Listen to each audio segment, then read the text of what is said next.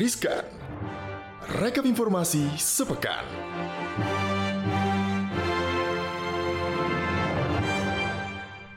Hai Sobat Cuan Halo. Apa kabar Sobat Cuan semua dalam Baik. kondisi sehat? Oh baik ya Selalu baik, selalu sehat Dan pastinya selalu cuan ya Sobat Cuan ya Di pekan amin, ini Pekan ini itu eh, ini hari pertama bulan Juli loh Yes. Ya kan?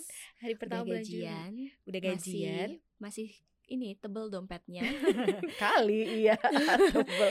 Kalau yang gajiannya masih still numpang lewat deh Aduh, Gimana ya jangan kan? lupa berinvestasi ya sobat cuan. Pasti jangan bersedih hati Jangan lupa dengerin Rizkan hari ini Rekap informasi sepekan ada gue Bah. Angel Valentina dan juga Maria Katarina pastinya yang akan memberikan info-info sama Sobat Cuan terkait mengenai dunia perekonomian dan juga bisnis. Yang pertama nih, ada uh, pertemuan Jokowi dan Zelensky. Pak Jokowi akhirnya sampai loh di Ukraina ya. Betul. Jadi Presiden Joko Widodo ini mengadakan pertemuan dengan Presiden Ukraina Volodymyr Zelensky di Istana Maryinsky, Kiev, Ukraina pada Rabu 29 Juni 2022 waktu setempat ya. Yes, betul. Dalam pertemuan tersebut, Presiden Jokowi menyampaikan bahwa kunjungannya ke Ukraina merupakan perwujudan kepedulian masyarakat Indonesia untuk Ukraina.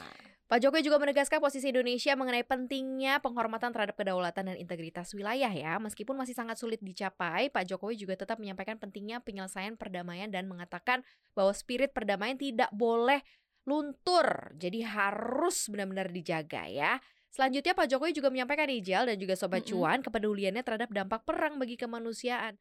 Dengan kemampuan yang ada, pemerintah Indonesia juga berusaha untuk memberikan kontribusi bantuan termasuk kayak obat-obatan dan Mm-mm. juga pastinya ada komitmen ya rekonstruksi rumah sakit di sekitaran Kiev. Pak Jokowi untuk ke sana aja sampai rela-rela loh Bener. naik apa namanya jalur darat lewat kereta loh. Mm-mm, karena kan aksesnya udah agak sulit juga ya. Mm-mm. Dan sampai di sana langsung memberikan bantuan obat-obatan ini secara langsung gitu ya. Dan Betul.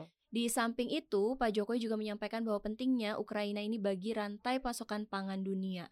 Menurutnya us- eh, semua usaha itu harus dilakukan agar Ukraina bisa kembali melakukan ekspor bahan pangan. Karena emang ya perang ini memberikan dampak yang amat sangat terasa untuk dunia gitu ya, nggak cuma betul. nggak cuma Indonesia tapi juga dunia gitu. Harga pangan langsung naik, minyak Mm-mm, naik mm-mm. gitu ya. kerasa banget sih. Kerasa banget. Mm.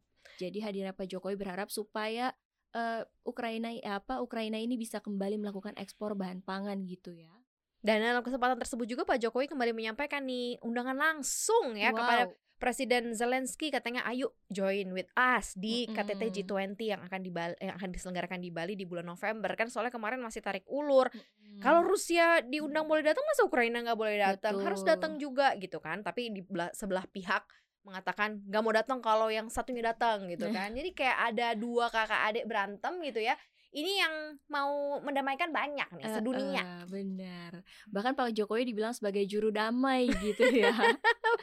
kece sih Pak kalau sampai gitu ya Pak Benar, karena Pak Jokowi juga menyampaikan bahwa komitmennya Indonesia ini untuk terus memperkokoh kerjasama bilateral dengan Ukraina. Sementara itu Presiden Zelensky ini menyampaikan apresiasinya atas kehadiran Pak Jokowi ke Ukraina. Menurutnya ini adalah kunjungan pemimpin negara Asia pertama ke Ukraina sejak invasi melanda Ukraina. Oke, Gitu. sehat-sehat terus pastinya buat eh, Pak Volodymyr Zelensky, Pak Zelensky Betul. dan juga Pak Dan Jokowi ya. Ini Kak, Pak Jokowi itu setelah dari Ukraina langsung bertolak ke Rusia.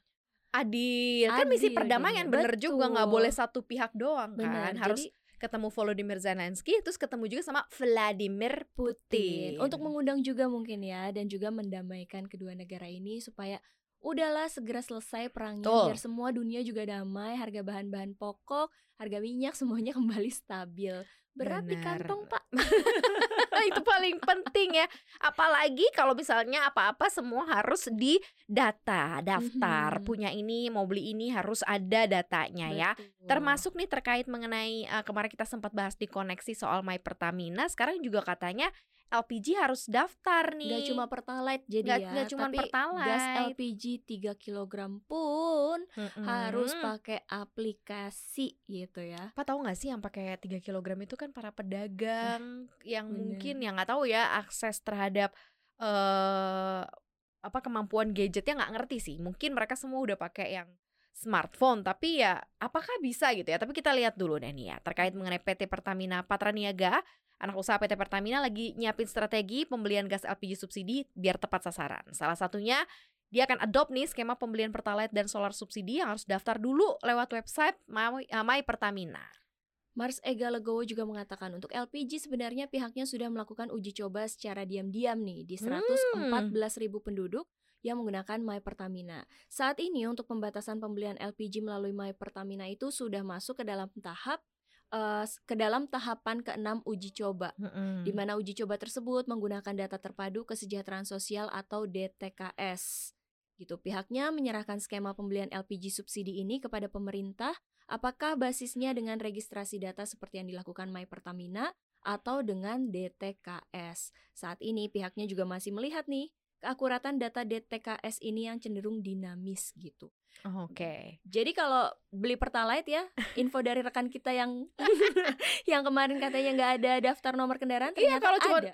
Ah, Ternyata harus sedetail itu Betul. ya. Jadi setelah Nggak nomor telepon masuk, doang ya. Betul. Lengkapi data diri, ada nomor eh, NIK juga gitu ya, kemudian nomor kendaraannya juga. Nah, mungkin nanti dengan eh, untuk membeli LPG 3 kg ini yaitu data terpadu kesejahteraan sosial gitu ya. Jadi ya udah siap-siap dengan apa era saat ini ya sobat Hmm. cuan ya. Jadi kalau memang masih membutuhkan menggunakan uh, Pertalite jangan lupa uh, My Pertaminanya dan juga ini buat para sobat cuan yang masih menggunakan uh, LPG gas melon subsidi. LPG Mm-mm. 3 kg juga harus mengikuti peraturan ini nih. Gue sih support karena akhirnya kita punya pendataan Betul. mengenai uh, ya segala hal subsidi-subsidian ini yang harus sampai tepat sasaran. Iya, karena selama ini kan dibilang katanya banyak yang eh, tidak tepat sasaran karena Mm-mm. banyak yang menggunakan itu justru orang-orang kalangan yang justru mampu. Iya. Dan ini kan sementara diberikan untuk eh, mereka yang kalangan menengah bawah gitu ya yang Mm-mm. tidak mampu makanya disubsidi. Nah, diharapkan dengan adanya ini ya semoga jadi lebih tepat sasaran gitu ya. Amin, amin, amin, amin, amin, amin ya. Jadi semua yang dikeluarkan negara untuk subsidi support eh, teman-teman kita yang kurang mampu dalam tanda kutip bisa lebih eh, tersalurkan lagi, bisa lebih Betul. banyak lagi yang mendapatkan. Oke, sekarang nih ya, yang bentar lagi mau potong kambing. Kurban ya, tepat sasaran juga Mau nih. kurban ya. Karena kemarin kan sempat ditulis di kalender 9 Juli ternyata mundur ya. Mundur, mundurnya sehari dan masih Mhm. di weekend juga, jadi nggak ada tanggal merah nih. harapannya maju atau mundur ke tanggal 11 ternyata tidak ya karena hasil sidang isbat Idul Adha 2022 diumumkan juga oleh Kemenak kemarin menetapkan bahwa 1 Zulhijjah 2022 1443 Hijriah jatuh pada hari Jumat 1 Juli 2022 besok ya berarti. Dengan demikian Idul Adha 2022 akan jatuh tanggal 10 Juli 2022 tepatnya di hari Minggu. Hari Minggu sobat cuan Mm-mm. ya. Jadi keputusan pemerintah itu telah diumumkan oleh Wakil Menteri Agama Zainud Tauhid Saadi setelah memimpin sidang isbat Idul Adha pada Rabu malam. Sebelum pelaksanaan sidang isbat Idul Adha 2022, Kementerian Agama RI menggelar Rukyatul Hilal pada Rabu sore, yakni pemantauan kemunculan bulan sabit sebagai tanda datangnya awal bulan Zulhijjah 1443 Hijriah. Eh, pemantauan hilal tersebut dilaksanakan di 86 titik di seluruh Indonesia. Jadi hari Oke. Minggunya Sobat Cuan bangun pagi, eh, datang ke tempat pemotongan kurban ya, Mm-mm. bekerja sama gitu bergotong royong supaya yang membutuhkan juga mendapatkan daging kurban adil dan merata ya Sobat Tepat Cuan sasaran ya. lagi-lagi, tepat sasaran. lagi. Tapi di sisi lain berarti karena jatuhnya hari Minggu dan Senin harus balik lagi kerja, gak usah pulang kampung ya. Mungkin ini juga sebagai salah satu uh, cara juga untuk supaya tidak uh, menyebarkan apa COVID juga tidak semakin tersebar lebih uh, besar lagi ya. Jadi Betul. penang uh, jadi di handle-nya di lingkup kecil karena kan sekarang Mhm. lagi tinggi lagi nih COVID. -nya. angkanya ya. Oke, jadi Iya. selamat untuk menikmati daging kurban ya teman-teman ya yang masih bisa berkurban. Mudah-mudahan dikasih berkat berkelimpahan Amin. juga ya next ya. Yes. So, ini ada lagi. Udah tadi kurban. Ini kurban apa nih? Kurban perasaan Kurban kayak. perasaan karena para pengguna pasti akan ngerasa galau nih Karena Hei, karena Google, Facebook, WhatsApp, IG diblokir. Akan diblokir. Iya akan diblokir di tanggal 20 Juli. Benarkah? Benarkah? Nah, Apakah kenapa harus diblokir Iya, ya? jadi sejumlah layanan dan aplikasi digital ini seperti Google, Facebook, WhatsApp, Instagram ini ramai disebut dalam daftar yang aksesnya akan diblokir di Indonesia oleh Kementerian Komunikasi dan Informatika setelah 20 Juli 2022. Siap-siap nih ya Sobat Cuan ya. Hal itu disebabkan karena masih banyaknya penyelenggara sistem elektronik yang belum mendaftar ke Kementerian Kominfo. Uh. Juru bicara Kementerian Kominfo, Dedi Permadi mengatakan penyelenggaraan sistem elektronik atau PSE asing yang baru mendaftar di antaranya adalah TikTok dan Linktree. Itu doang. Waduh, warga TikTok Gitu. aman ya, masih bisa tetap jualan, Cin. Endorse masih Endorse bisa- masih tetap bisa. jalan. Oke, ini agak-agak cukup gimana ya membuat ketar-ketir juga eh, terkait mengenai pemblokiran ini ya, gitu ya Betul. sejumlah media sosial ini nih kayak kalau kita nggak ada ini semua kayak Karena menuju akses ke berita rata-rata orang di mana Google. Itu, Apa-apa kita kan bah Google kan sekarang. kita bisa menuju kayak kayak Korea Utara kedua gitu. Bener. Tertutup dari akses ya. Karena kalau dilihat dari pantauan CNBC Indonesia baru ada 74 penyelenggara sistem elektronik lingkup privat asing yang terdaftar di sistem pse.kominfo.go.id. Sementara untuk PSE dari domestik telah melakukan pendaftaran seperti ada Bukalapak, Tokopedia, Traveloka, GNT, dan OVO. Didi juga mengatakan bahwa Tokopedia sudah mendaftarkan sebelum akhirnya merger dengan Gojek. Dedi mengingatkan untuk para PSE, private asing dan domestik untuk segera melakukan pendaftaran. Tenggat waktu untuk mendaftar hingga 20 Juli 2022.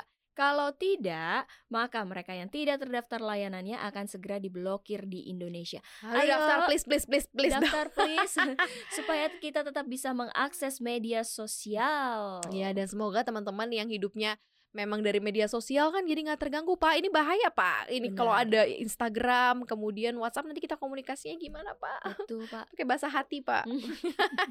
Atau tujuannya untuk ini, Kak. Jadinya nggak usah pakai medsos, lebih Jadi- cepat bertemu gitu. Oh bertemu lagi. Asal kondisinya aman sih nggak apa-apa ya. Iya, kan Karena udah endemik katanya. endemik katanya. Tapi pokoknya apa pun itu ya mudah-mudahan ini bisa menyolek juga nih teman-teman yang sudah banyak apa eh, elektronik eh, digitalnya di sini Mhm. untuk segera langsung lah tolonglah daftar langsung ya Bapak Google, Bapak Facebook, Bapak WhatsApp, Bapak Instagram ya. Tolong, oke? Siap. Dan sobat cuan Dan sobat cuan segitu aja ya informasi dari kita yang kita sampaikan di Riskan hari ini. Mhm. Jangan lupa untuk dengerin konten kita lainnya di mana aja, Jal? Podcast kita lainnya bisa didengerin di Spotify, Apple Podcast, Google Podcast, dan juga Anchor. Jangan lupa juga untuk follow Instagram kita di uh, @cuap_cuan. Dan juga ada YouTube kita di mana, Kak? di cuap-cuap cuan ya, di subscribe, di like, di share, di komen yang manis-manis supaya kita juga bisa dapet i, apa ya semangat lagi bikin konten lagi yang menarik ya.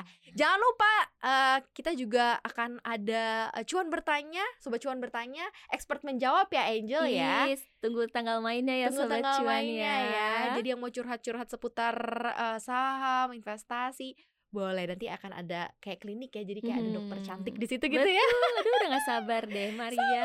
Maria ya bukan lah pastinya ya. Oke thank you sobat cuan terima kasih banyak. Sehat-sehat terus. Maria pamit. Angel pamit. Happy bye weekend. happy weekend